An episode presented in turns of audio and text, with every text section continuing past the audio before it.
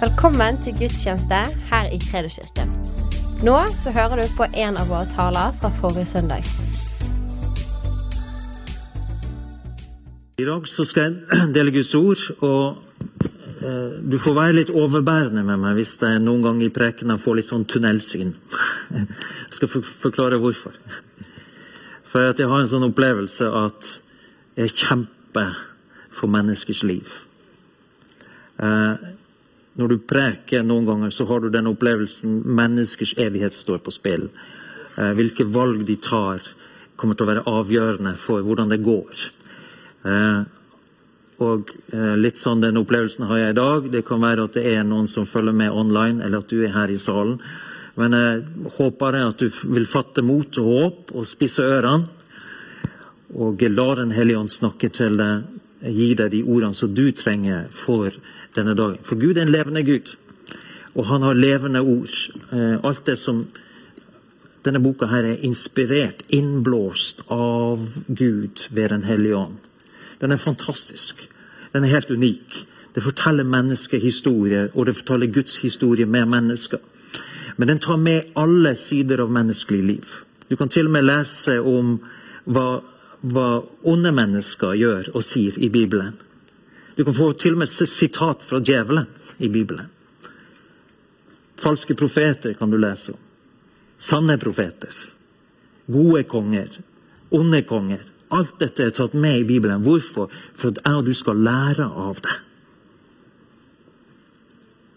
Så vi kan velge, lære å velge det gode og velge bort det onde. Amen. Lære å leve i tro på Gud gjennom alle livets faser. Det fins alt her.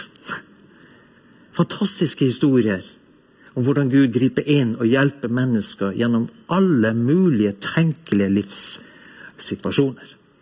Og Det kan jeg og du lære av. Og så har vi snakket om tro. Vi snakker om tro denne høsten. Og tro på Gud, tro på Guds løfter. Men det er alt havner på dette at det er snakk om at vi tror på én person, og han heter Jesus Kristus. Og greien er, Hvis du kjenner Jesus Kristus, og vet hvem han er, og vet hva han har sagt, så har du livets ord boende i det. Og da kan du komme gjennom alt av livsutfordringer. Sorg, nød, plage, elendighet. Alt kan du overvinne og komme igjennom. Fordi at du kjenner den personen Jesus Kristus. Halleluja. Der fins nøkkelen, er han. Og Johannes, evangel, eh, Johannes eh, første brev står det at for alt som er født av Gud, seirer over verden. Og det som har seiret over verden, er vår tro. Altså ikke tro på hva som helst, men tro på Han, Jesus Kristus, som har seiret over verden. Og I denne forbindelse, gresk har du jo ordet kosmos, som står for verden. Det kan ha mange forskjellige betydninger, men i denne sammenhengen her så handler det om denne verdens system, denne verdens ånd. Det i oss mennesker som, som drar oss. Det står vi er, altså Menneskeheten er under den ondes påvirkning åndskrefter i den usynlige verden som forblinder mennesker, som fanger deres liv, som fanger deres sinn, som fanger deres hjerter.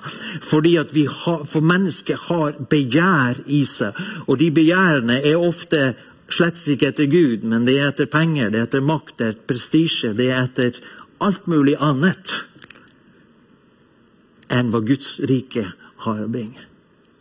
Så Gud trenger å, å sette oss mennesker fri fra begjæret etter det som denne verden har, slik at vi blir forandra på innsiden. Så det vi, det vi, ønsker, det vi trakter, det vi lengter etter, er Han. For Han er livet. Mens det denne verden har å gi oss, det fører til død.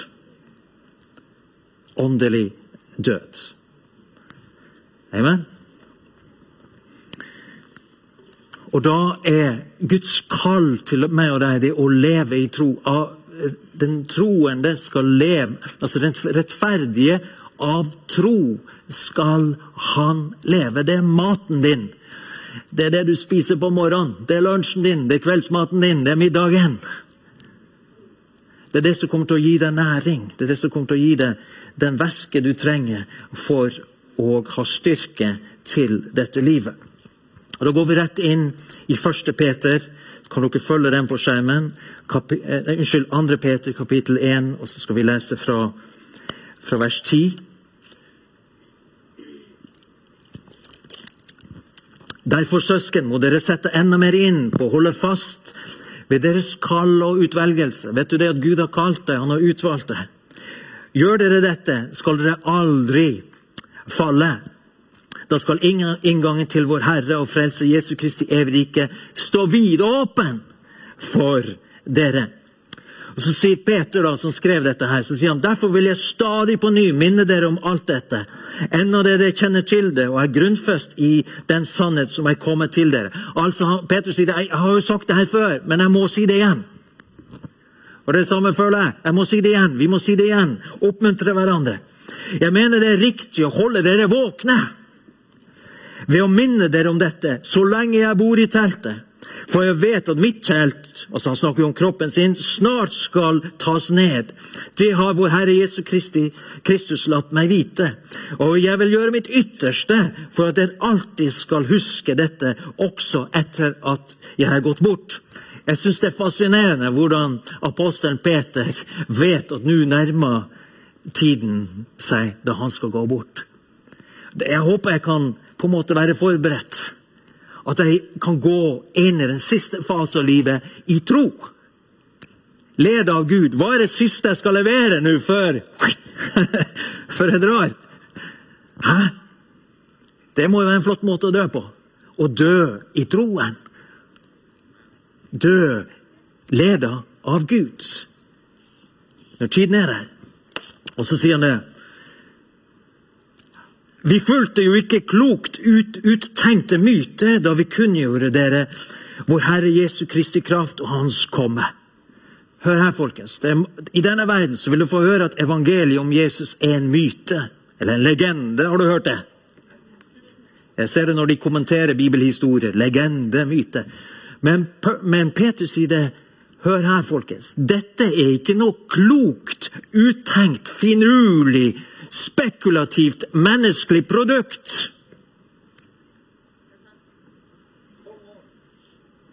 Som dere leser.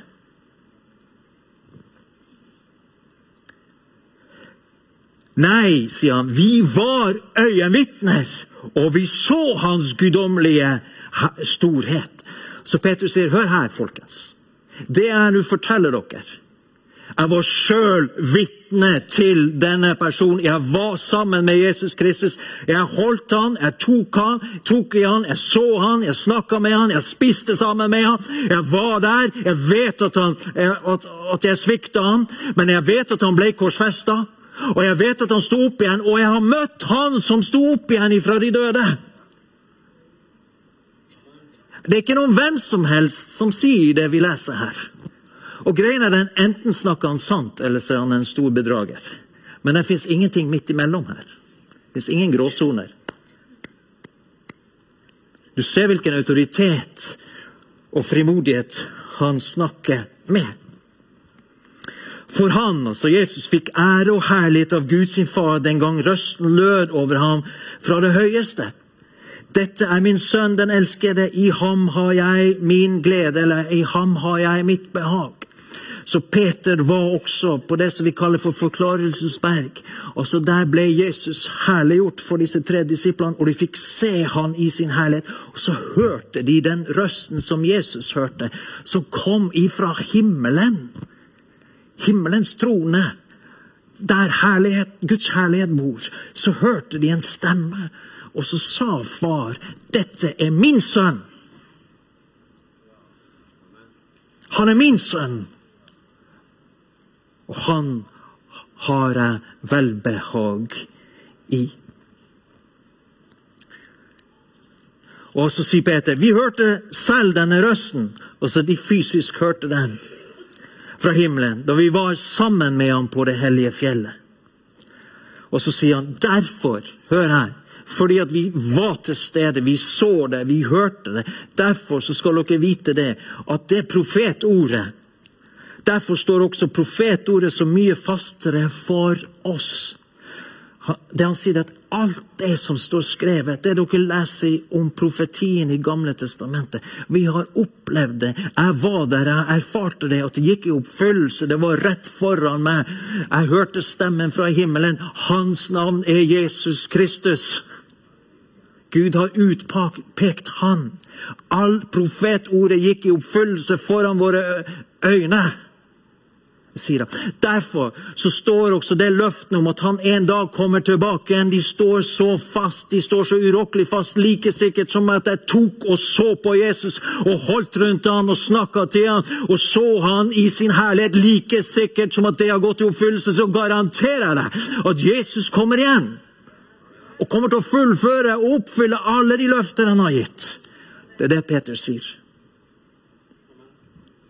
Det fins ikke fnugg av tvil.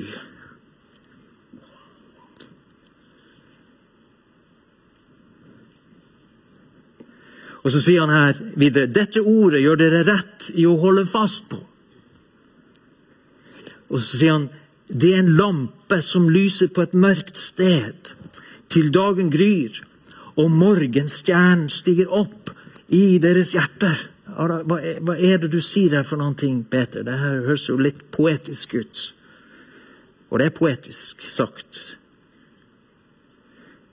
Men i det store bildet så er det klart at den verden er du lever i, den er i mørket. Og vi ser det rundt oss. Men så sier han det at det kommer en dag når dagslys Det kommer en tidspunkt når dagslyset kommer.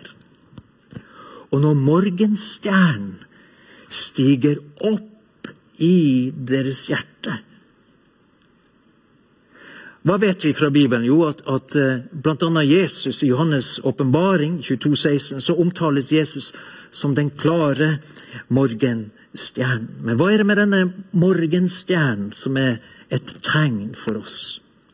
Hvis du, Jeg vet ikke om du har studert himmellegemene, men det er i hvert fall på østhimmelen på morgenen, rett før lyset kommer, så er det ofte ei stjerne som skinner. Den kalles for morgenstjernen.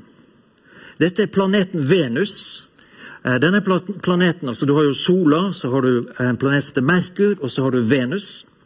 Venus er litt mindre enn jorda i eh, diameter. Den, eh, de, sier, de har jo forska på dette, her, så gradene på den planeten er ca. 470 grader. Så det, det er varmt. Men, men, også den er omgitt av et skydekke, så når du ser på den, så får du en sånn gul, hvitt, klart lys som kommer fra denne planeten når sola den er posisjonert på en bestemt måte i forhold til, til solen. Grekerne pleide å kalle denne for fosforos, altså lysbæreren. Vi vet det er et bilde på Jesus Kristus. Dette er det eh, tredje sterkeste lyset på himmelen når denne stjernen eller denne planeten lyser. Så du har solen, så har du månen, og så har du da eh, morgenstjernen Venus. Hva er det som er spesielt? Hva er det dette et tegn på? Jo, når du ser morgenstjernen på himmelen, så ser du lys, lyset i bakgrunnen der. Du vet, de, som, de gamle som studerte og leste dagen ut ifra hva som skjedde på himmelen, de visste det at nå kommer dagen. Når vi ser den stjernen, så er det bare et tidsspørsmål før dagen er her. På samme måte, sier Peter. Når dere ser stjernen den lyse, klare morgenstjernen, person Jesus Kristus. Når dere ser han, så vet dere at dagen er like om hjørnet. Og lyset er på vei, og kongen er på vei tilbake. Og det kommer en ny dag. Profetordet, tegn på at det nærmer seg. På samme måte kan vi dra dette her ned i hver, våre enkelte liv. i våre personlige liv. Det fins tider og stunder hvor vi trenger lys, for vi går gjennom en mørk passasje i livet. Og vi trenger en morgenstjerne, at en morgenstjerne går opp i vårt eget liv, for det virker så mørkt. Det har vært ei lang natt. Det har vært en lang kamp, kanskje. Men da er budskapet det det er en morgenstjerne som går opp, som signaliserer at dagen er på vei. Redningen fra Gud er på vei. Jeg husker sjøl da jeg var på eh, når jeg var ung og, og var på Fiji i Stillehavet. Så bodde jeg i ei bambushytte med stråtak, var på en eh, Youth the Mission-base der. Og med en gang jeg kom dit Det var jo eksotisk, kan du si, men det var også beintøft. For at jeg sov under myggnettingen. Vi hadde veldig lite mat. Levde fra hånd til munn, rett og slett. og nærmeste nabo var et hindutempel. Så jeg sovna til avgudsdyrkelse og våkna til avgudsdyrkelse rett, bort, rett bortover åkeren. Og for først, jeg tror kanskje jeg kan si for første gang i mitt liv så Sett tilbake igjen, så skjønner jeg i dag at jeg kom under et voldsomt demonisk angrep. Jeg, jeg skjønte ikke helt sammenhengen den gangen. Og jeg fikk en sånn smerte i hodet. Og jeg klarte ikke å Veldig problemer med å sove på natta. Hadde problemer med å henge med på undervisningen fordi at jeg sov så dårlig. Og fikk ikke roen. Og Jeg ble på en måte etter hvert så desperat at jeg virkelig begynte å rope ut til Gud. Gud, du må hjelpe meg. Jeg kan jo ikke ha det sånn som det her. Hva er det som er galt? Og Det som skjedde da, det var det at, at jeg opplevde at Gud ga meg et ord fra Hosea, kapittel 6 og vers 2. Eh, vers 3. Eh, og der står det La oss lære å kjenne Herren. La oss jage etter å kjenne Ham. Og så kommer det Sikkert som soloppgangen kommer Han. Han kommer til oss lik regnet, litt vårregnet som væter jorden. Og det ble et sånt, en morgenstjerne. Det ble et lys et lys fra Guds ord som jeg grep fatt i. Aha! Like sikkert som at lyset kommer på morgenen. Hver bidige dag jeg har levd på denne kloden, så har det kommet lys på morgenen. Er det noen som har opplevd noe annet? Hæ? Er det noen som uh, har noen annen historie å fortelle? Nei? Så det I min desperasjon så bare, det var akkurat som jeg bare fatt i det ordet. Yes! Like sikkert som at lyset kommer på morgenen, så kommer Gud til å ta meg ut av denne her lidelsen. Så da, det jeg begynte å gjøre da, istedenfor å ligge og, og gruble under myggnettingen og ikke få sove, så begynte jeg heller å stå opp på morgenen. Så gikk jeg el til elvebredden, og så satt jeg der fra kanskje halv fire-fire på morgenen, og så bare venta på at lyset og solen skulle komme, og lyset skulle komme gå opp.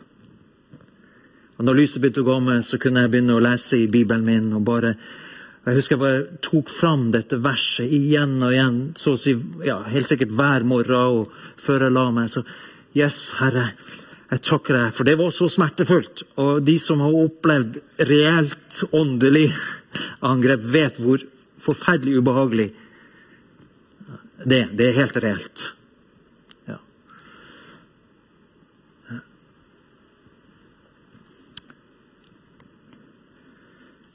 Hver morgen så jeg bare lyset, og så kom sola. Og så gikk det ca. fem uker. Så en morgen, når jeg satt der og fulgte med på at dagen kom, så var smerten borte. Så var mørket borte. Jeg vet ikke hvordan det skjedde. Det var bare skjedde. Så Så deilig det var å være tilbake til normalen. Å, takk, Jesus, for at du berga meg fra denne mørket. Dette smert, denne smerten som var så ulidelig vond. Gud vil gi oss ord underveis i livet som blir lys på vår, for vår fot, en lykte på vår sti. Hele Guds ord er lys for oss. Definitivt. Men vi trenger også spesifikke ting som Gud gir oss i gitte situasjoner, som blir det som hjertet vårt griper. Eller la, la, meg si det, det er akkurat som Guds ord Når det blir spesifikt, og du skjønner Wow, her var det ting som Gud ville si meg. Her var det noe han ville gi meg. Så det er akkurat som det ordet griper fatt i hjertet ditt. Og da skal du gi respons med hjertet ditt, og så griper du fatt i det ordet. Og så blir det Begynner det å smelte sammen med deg. Inni deg. Usynlig, men til stede. Og så blir det som det såkornet vi leste hørte om sist søndag. Det begynner å spire, og det begynner å gro, og du skaper tro og overbevisning i ditt hjerte om at det fins en vei ut. Noen ganger er det sånn at når du står i en situasjon, så må du bruke tid. Eh, hvis du er stressa i en situasjon og du bare vet at du trenger Guds hjelp, da er det desto viktigere å gå til avsides og, og søke Gud, lese i Skriftene, be ta frem løfter som omhandler en, kanskje en livssituasjon som kan ligne litt på din, og begynne å mate deg med disse ordene. Ta de inn i ditt liv. Og veldig ofte da, så er det akkurat som det er noen ting som bare kvikner til, eller som vekker deg opp. Så det bare, du bare liksom, Jeg vet ikke hvordan det, vi kaller det for åpenbaring. eller det bare, Du bare skjønner Wow! Her både noen ting som hjertet mitt kan gripe fatt i. Så jeg kan holde fast ved. Et profetord som ditt indre kan ta til seg og holde fast i. Der fins det en kraft i det ordet som gjør at du kan overvinne. Gang, noen ganger så er det når du, når du lever i tro og og ønsker å gjøre, følge Guds vei. Det kan være i store og små ting. Jeg husker en gang eh, så, eh, så opplevde vi at vi skulle flytte til USA. Jeg skulle studere teologi. Og Da var det Kirsten og så var det våre tre barn, og de var jo små den gangen. Og jeg var helt overbevist om at vi skulle av gårde. Nå var tiden. Jeg gjorde det motsatte av det de fleste. De fleste tar utdannelse, og så, og så begynner de i tjeneste eller drar ut på misjon. Jeg gjorde det motsatte. Jeg dro først på misjon, og så måtte jeg studere etterpå hva jeg hadde opplevd på misjonsfeltet. Eh, men da husker jeg det at vi begynte å planlegge, og familie og venner de syntes jo det her var litt vågalt. da. Å dra av gårde med tre små barn til USA. Og så fikk vi jo da spørsmålet ja, eh, hva skal dere leve av, da? Har du fått det spørsmålet? Fordi at jeg visste det at hver måned kommer disse skolepengene De kommer til å koste Dollaren var jo nesten like høy som den er i dag. Hver måned kommer det til å koste 9000 kroner bare i skolepenger. Og så skal du liksom ha en plass å bo, og så skal du ha en mat på bordet til eh, familien. Og så skal du reise, så må du ha forsikringer, ditt og datt. Vel, kjempedyrt. Og så har vi ikke lov å jobbe i USA. Ingen inntekt. Og da måtte jeg søke Gud. Herre, du må gi meg et eller annet som jeg kan knytte troen. Jeg er villig til å dra, men jeg vet liksom ikke helt når Kirsten ble spurt av folk ja, hvor, dere, hvor får dere inntektene til å leve der borte. Nei, hun sa vi har jo barnetrygden, da. Det var liksom det vi hadde. Barnetrygd. Tre små barn. Men så så kom det et ord til mitt indre.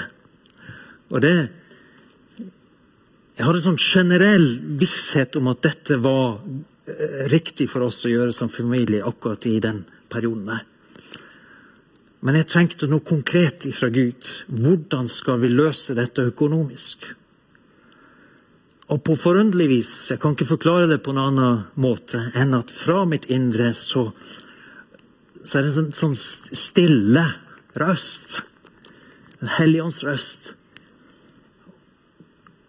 Uh, som, uh, så hører jeg staten skal betale din utdannelse.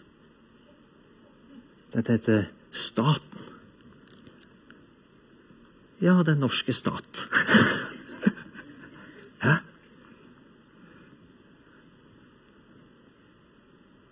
Ja, men de vil jo, norske stat vil jo ikke støtte meg for teologiske studier i USA? Nei, utgangspunktet ikke. Men så begynte jeg å gå på det ordet der. Er det, er det virkelig du, Herre, så må du, så må du vise meg hva jeg skal gjøre. Så det første det fant vi ut i at uh, Kirsten var jo utdanna sykepleier den gangen. Og uh, så hun kvalifiserte så det var noen fag hun kunne undervise da, til uh, Miriam, da, som var eldste. Som var, uh, var, vel tre fag. Norsk, samfunnskunnskap og et fag til. da. Som kunne få lærerlønn for å ha hjemmeundervisning med Miriam mens vi bodde i USA. Det var jo bra. Det var jo noen tusenlapper der. Uh, ja, det kom ikke så veldig langt med det, da. Så, tenkte jeg. Og så får du jo da, altså Når du studerer bachelorgrad i USA, så er det sånn at du får jo lån. Men så har de også noe som heter gebyrstipend. Men det får du bare hvis du studerer på masternivå, ikke på bachelornivå. Men så kontakta jeg Lånekassen og så sa jeg at eh, jeg skal studere i USA. Og jeg skal gå på et bestemt universitet, som heter Roberts universitet. Og der kan de undervise meg om karismatisk teologi. For da visste jeg at det fins bare så langt jeg visste, så var det bare ett kirkesamfunn som får statlig støtte til å sende sine potensielle pastorer til utdannelse i USA, og det er syvende adventistene. Fordi at de hadde den gangen i hvert fall, hadde ingen teologisk institusjon i Norge som kunne møte deres behov. Så, og dette var for, før eh, eh Høgskolen for ledelse og teologi eksisterte. Så da måtte jeg begynne å argumentere med Lånekassen. Det er ingen i Norge som kan gi meg en karismatisk teologisk utdannelse, så dere må støtte meg! Og først var det jo blankt nei. vet du. Jeg vet ikke om de hadde hørt om det sånt engang. Men så fikk jeg en professor på Menighetsfakultetet til å skrive brev til Lånekassen og bekrefte Jeg kan bekrefte at vi som Menighetsfakultetet dessverre ikke kan tilby teologisk utdannelse innen karismatikk. Og mye om og men. Så fikk jeg 50 000 der ekstra. Ja, Det hjalp jo litt. Det var ikke dumt. Men det var jo ikke nok. Åh, kjære Gud. Så var det det her med den norske stat. Og så var det å få leid ut huset, da. Vi hadde jo bygd oss hus. Store lån hadde vi. Og så Det gikk jo uker, men vi, fikk jo ikke Det var ingen som ville leie huset vårt til det vi ba om. Og de som, de som tilbød seg å leie huset vårt, de hadde ikke vi lyst til å leie ut til. Så dermed så nærma det seg dagen vi skulle reise. Og uka gikk. Jeg tror det var to uker før vi skulle dra. Og vi begynte jo å bli litt nervøse, kan du si. Men igjen men Det fins en kilde. Gud har forsørga, åpna en, en, en, en, finansieringskilde. Men vet når ikke vi fikk leietagere, da, så gikk vi jo ned i pris. Så jeg tror vi gikk ned til ja, 7000 eller noe sånt. 7000 var det vi sa. Hadde annonse i avisen. Så plutselig så er det en som ringer. To uker før vi skal dra. Så sier han det at uh, Du, jeg har sett så Sist uke så hadde dere denne annonse. Uh, og er det huset le fremdeles ledig? Ja da, det er det. Ok, jeg tar det, sa han. Ja, men uh, skal ikke du komme og se på huset? da? Nei, jeg tar det. Forresten, hva vil dere ha betalt? Eh, så, så, sa jo Kirsten da, som beskjeden hun var, så jeg tenkte kanskje en 7000-8000. 7000-8000, sa han! Det er jo altfor lite! Dere må, dere må jo minst ta 10 000, da! Ja, kanskje det. Kanskje det. Ja, La meg bare snakke med Jeg skal av huset. Jeg vil ikke komme og se på det. Nei, jeg tar det. Og jeg skal snakke med. Arbeidsgiveren min. Så kommer han seinere, da, og skal Vi skal avtale kontrakt og Og så, når vi skal utarbeide dette her, så Nei, men uh, jeg betaler 12 000 for huset. Hæ? Du skjønner at Gud mener kunden begynner å presse opp prisen? Ja, ja, ja, ja det er greit, det. Helt i orden. Bare sånn, Han jobba i et oljeselskap da, som, eh, hvor staten eier mye aksjer, bare for å si det sånn. For Han ville ha det huset for at dattera skulle få gå på skolen her. Så han gikk til arbeidsgiveren og sa hva han ville betale for det, og så fikk vi det. Jeg sier det Det var hjelpen. ja. Hva sa du? Ja, og så skulle han leie huset. Han hadde behov for det i ett og et halvt år. Og det var så lenge som vi skulle være i USA. Ah, Gud er med. Så var det mange andre ting som eh, også skjedde. Du kan jo le av det, men var ikke det Jeg tror det var ja, det var din mormor som døde, sånn at vi fikk forsikringspenger til å reise hjem igjen. ikke sant? Så, så det var mange ting som Hæ? Hun ville dø. Altså, bare Hun ville dø.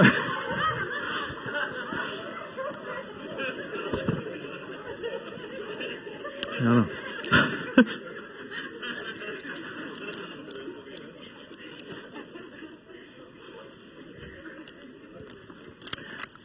Når Gud vil noe, så har han sine veier.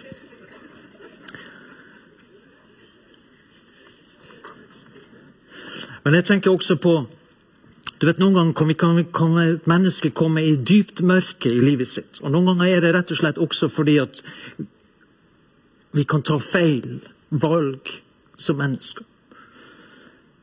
Vi kan påføre oss sjøl ting som gjør at vi havner ute i det dypeste mørket. Og som gjør at vi absolutt ikke føler på noen som helst måte at vi fortjener å, å få Guds tilgivelse eller bli berga av Gud. Jeg tenker på kong David.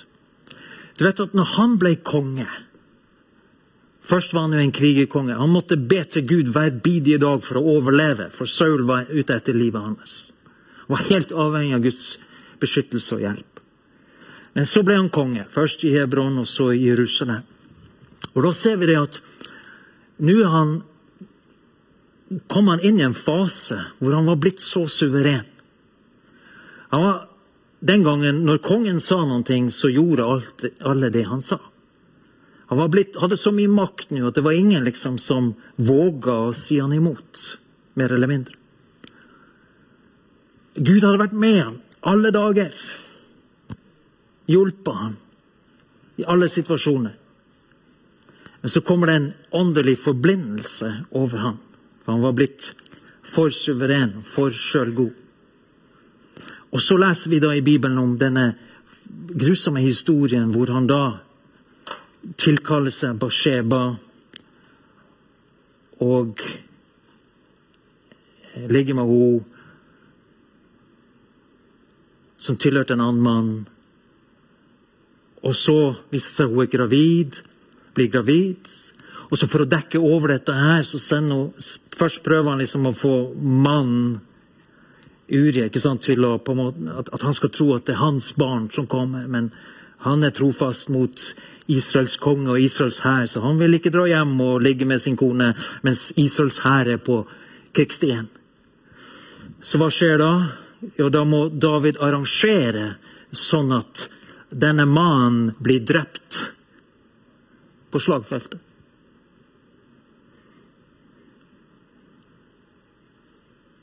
Og Det forundrer meg at David ikke skjønner at nå er du skikkelig ute å sykle. Men det er akkurat som han er forblinda for sin egen situasjon. Helt til profeten kommer og stikker fingeren i magen på ham. Og det, det, du ser David, hva som skjer med David da Han er i det ytterste mørket. Han vet at i det naturlige så er han fortapt. For etter loven så skal en mann som har gjort denne type forbrytelser, om han er konge eller ikke, så skal han dø. I Salme 51 så sier han at Herre, du vil ikke ha slakteoffer, du vil ikke ha brennoffer. Han visste det fins inget offer som kan betale for denne synden som jeg har begått. Han kom i sin største sjelenød.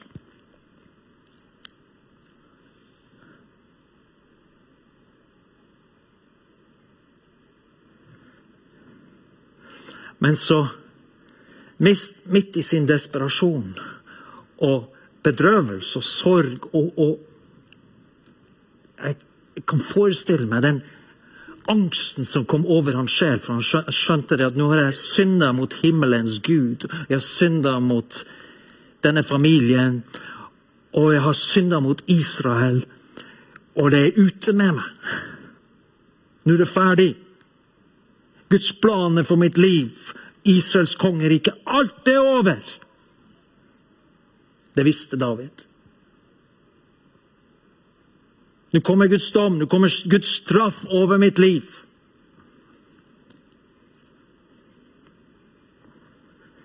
Men i det mørket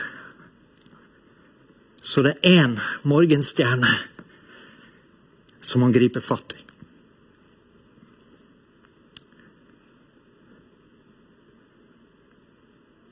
Han vet at han fortjener døden. Men så kommer han på Gud har jo sagt i sitt ord også at han er chesed. Han har jo også sagt at han er loving kindness. Han har jo også sagt at han vil barmhjertighet og nåde. Og så ser du at David i desperasjon så kaster han seg på Gud. Han legger seg langflott. Han hulkegråter, han skriker, han roper etter Gud. Han vrenges, Hele hans indre vrenges fra innsiden og ut i desperasjon til den levende Gud. Han sier, 'Ta ikke din ånd ifra meg'. Forkast meg ikke, min Gud. Berg meg fra mine egne synder. Berg meg fra min galskap, fra min synd, fra min dårskap. Han er i skikkelig mørke. Han eneste håpet han har, er Gud. Guds hesed, loving kindness. Nå kan han Nå har han ikke noe støtte i Guds ord lenger, I, i, altså i Moseloven. Han er kaster seg på Guds vesen, innerste vesen og karakter. Det er mitt eneste håp det at Gud sjøl i sin nåde og barmhjertighet ser på meg og ser mitt skrik og vil vende mitt eget hjerte og vende denne situasjonen. Og så kjenner vi historien. Hvordan Gud blir så berørt. For det er det innerste i Guds hjerte. Loving kindness. Barmhjertighet. Han er en hellig Gud. Men hans indre, han er kjærlighet. Han vil vise nåde og barmhjertighet. Det er hans største ønske. Og så hører han skriket fra David, og så vendes situasjonen, og han får leve. Sønn dør, men senere så får han en ny sønn med Basheba. Han tar henne til seg. Nå har han forbrutt seg mot henne, han er nødt til å ta ansvaret for henne. Og så ut av den foreningen kommer da kong Salomo. Kan du forstå Gud? Men det er situasjoner i et menneskes liv Hør nøye etter. Det nytter ikke hva du finner på.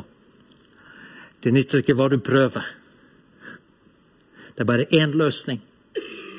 Du må kaste deg i Guds armer. Kaste deg i Guds fang.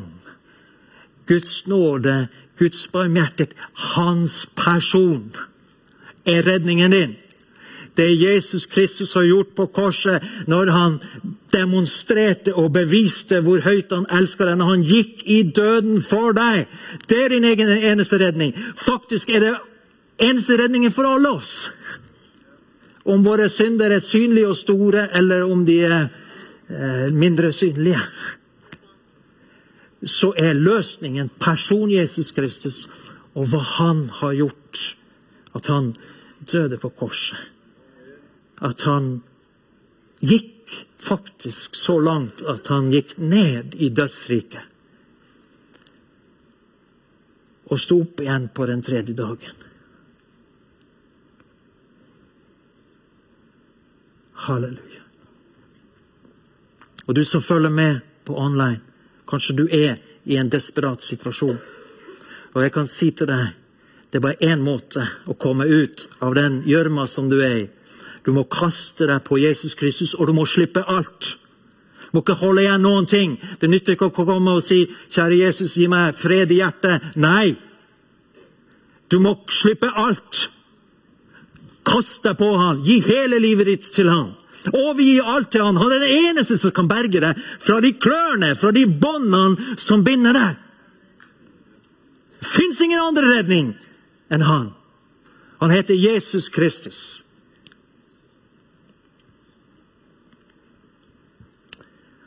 Halleluja.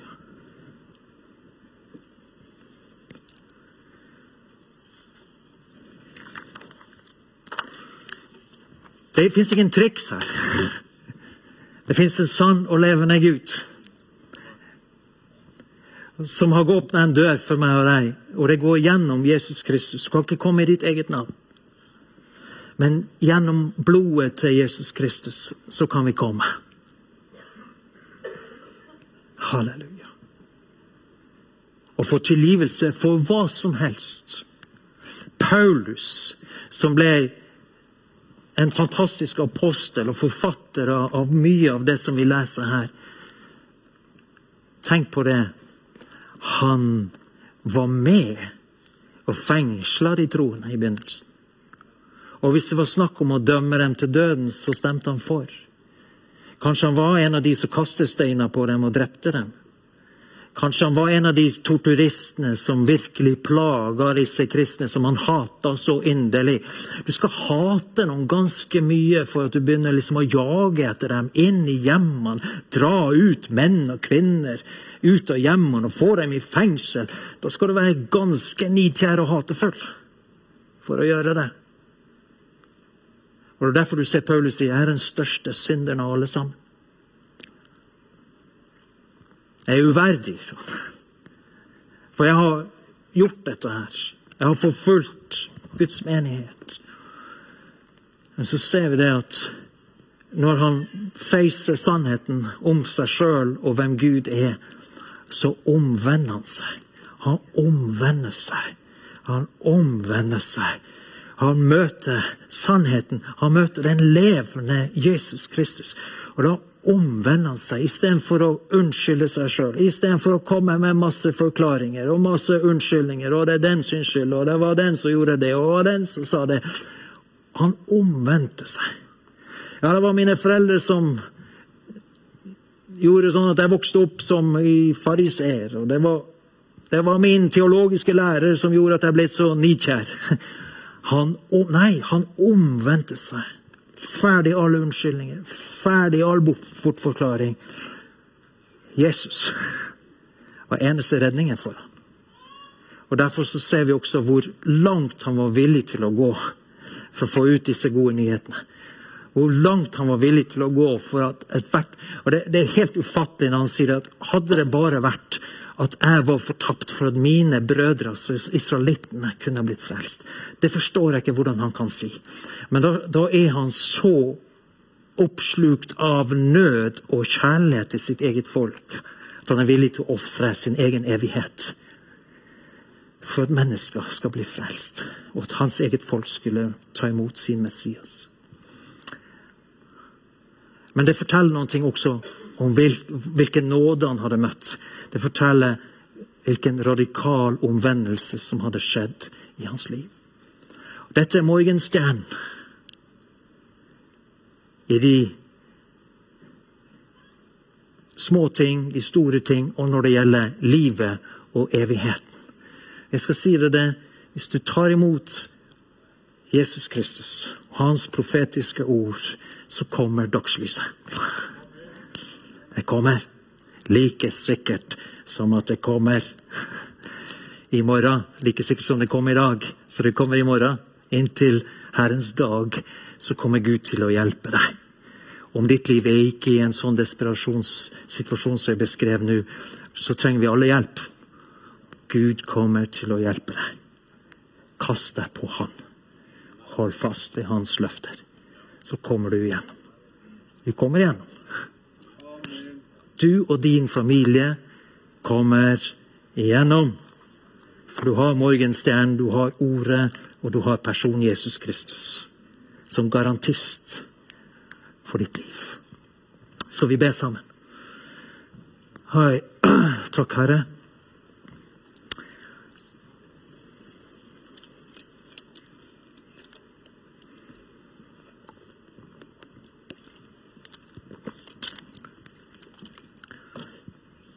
Takk, Jesus. Herre, jeg ber, far. Den som seg, opplever seg sjøl i mørket, og som virkelig er i mørket. Jeg takker deg for du lyser, morgenstjernen kommer til dem, og du gir dem håp. Eh, og du gir dem lys, og du gir dem en vei ut. Du gir dem en vei videre. Du berger dem ut, Herre. Du berger den eller de personene ut av denne krisens Ut av dette mørke, Fader, i Jesu Kristi Nazarens navn. Jeg takker deg, Herre. Sånn som du har berga mange før som har vent seg til deg i sin nød, så berger du mennesker i dag, Herre. Ut av all slags fangenskap, ut av all slags avhengighet, ut av alle ting, Fader. Om det er påført eller sjøl påført, eller hva det enn er, Herre, så berger du mennesker i dag. Jeg ber, Herre, du kjenner hver enkelt som er her nå. Du vet hva, hva de trenger fra deg, Herre. Du vet hvilke ord de trenger fra deg. Du vet hva de trenger å knytte hjertet sitt til. Priser deg, Herre. Ja. Så takk for at du levende gjør dine spesifikke ord til mine brødre og søstre her, far. Sånn at det ja. At det blir noe de kan gripe fatt i, Herre. Som hjertet deres kan gripe fatt i. Ditt ord griper fatt i deres hjerte, Herre.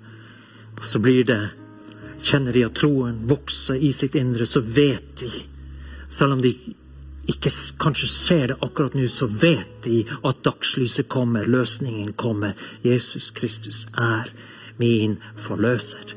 Han er min redningsmann. Halleluja takker deg, Jesus Kristus.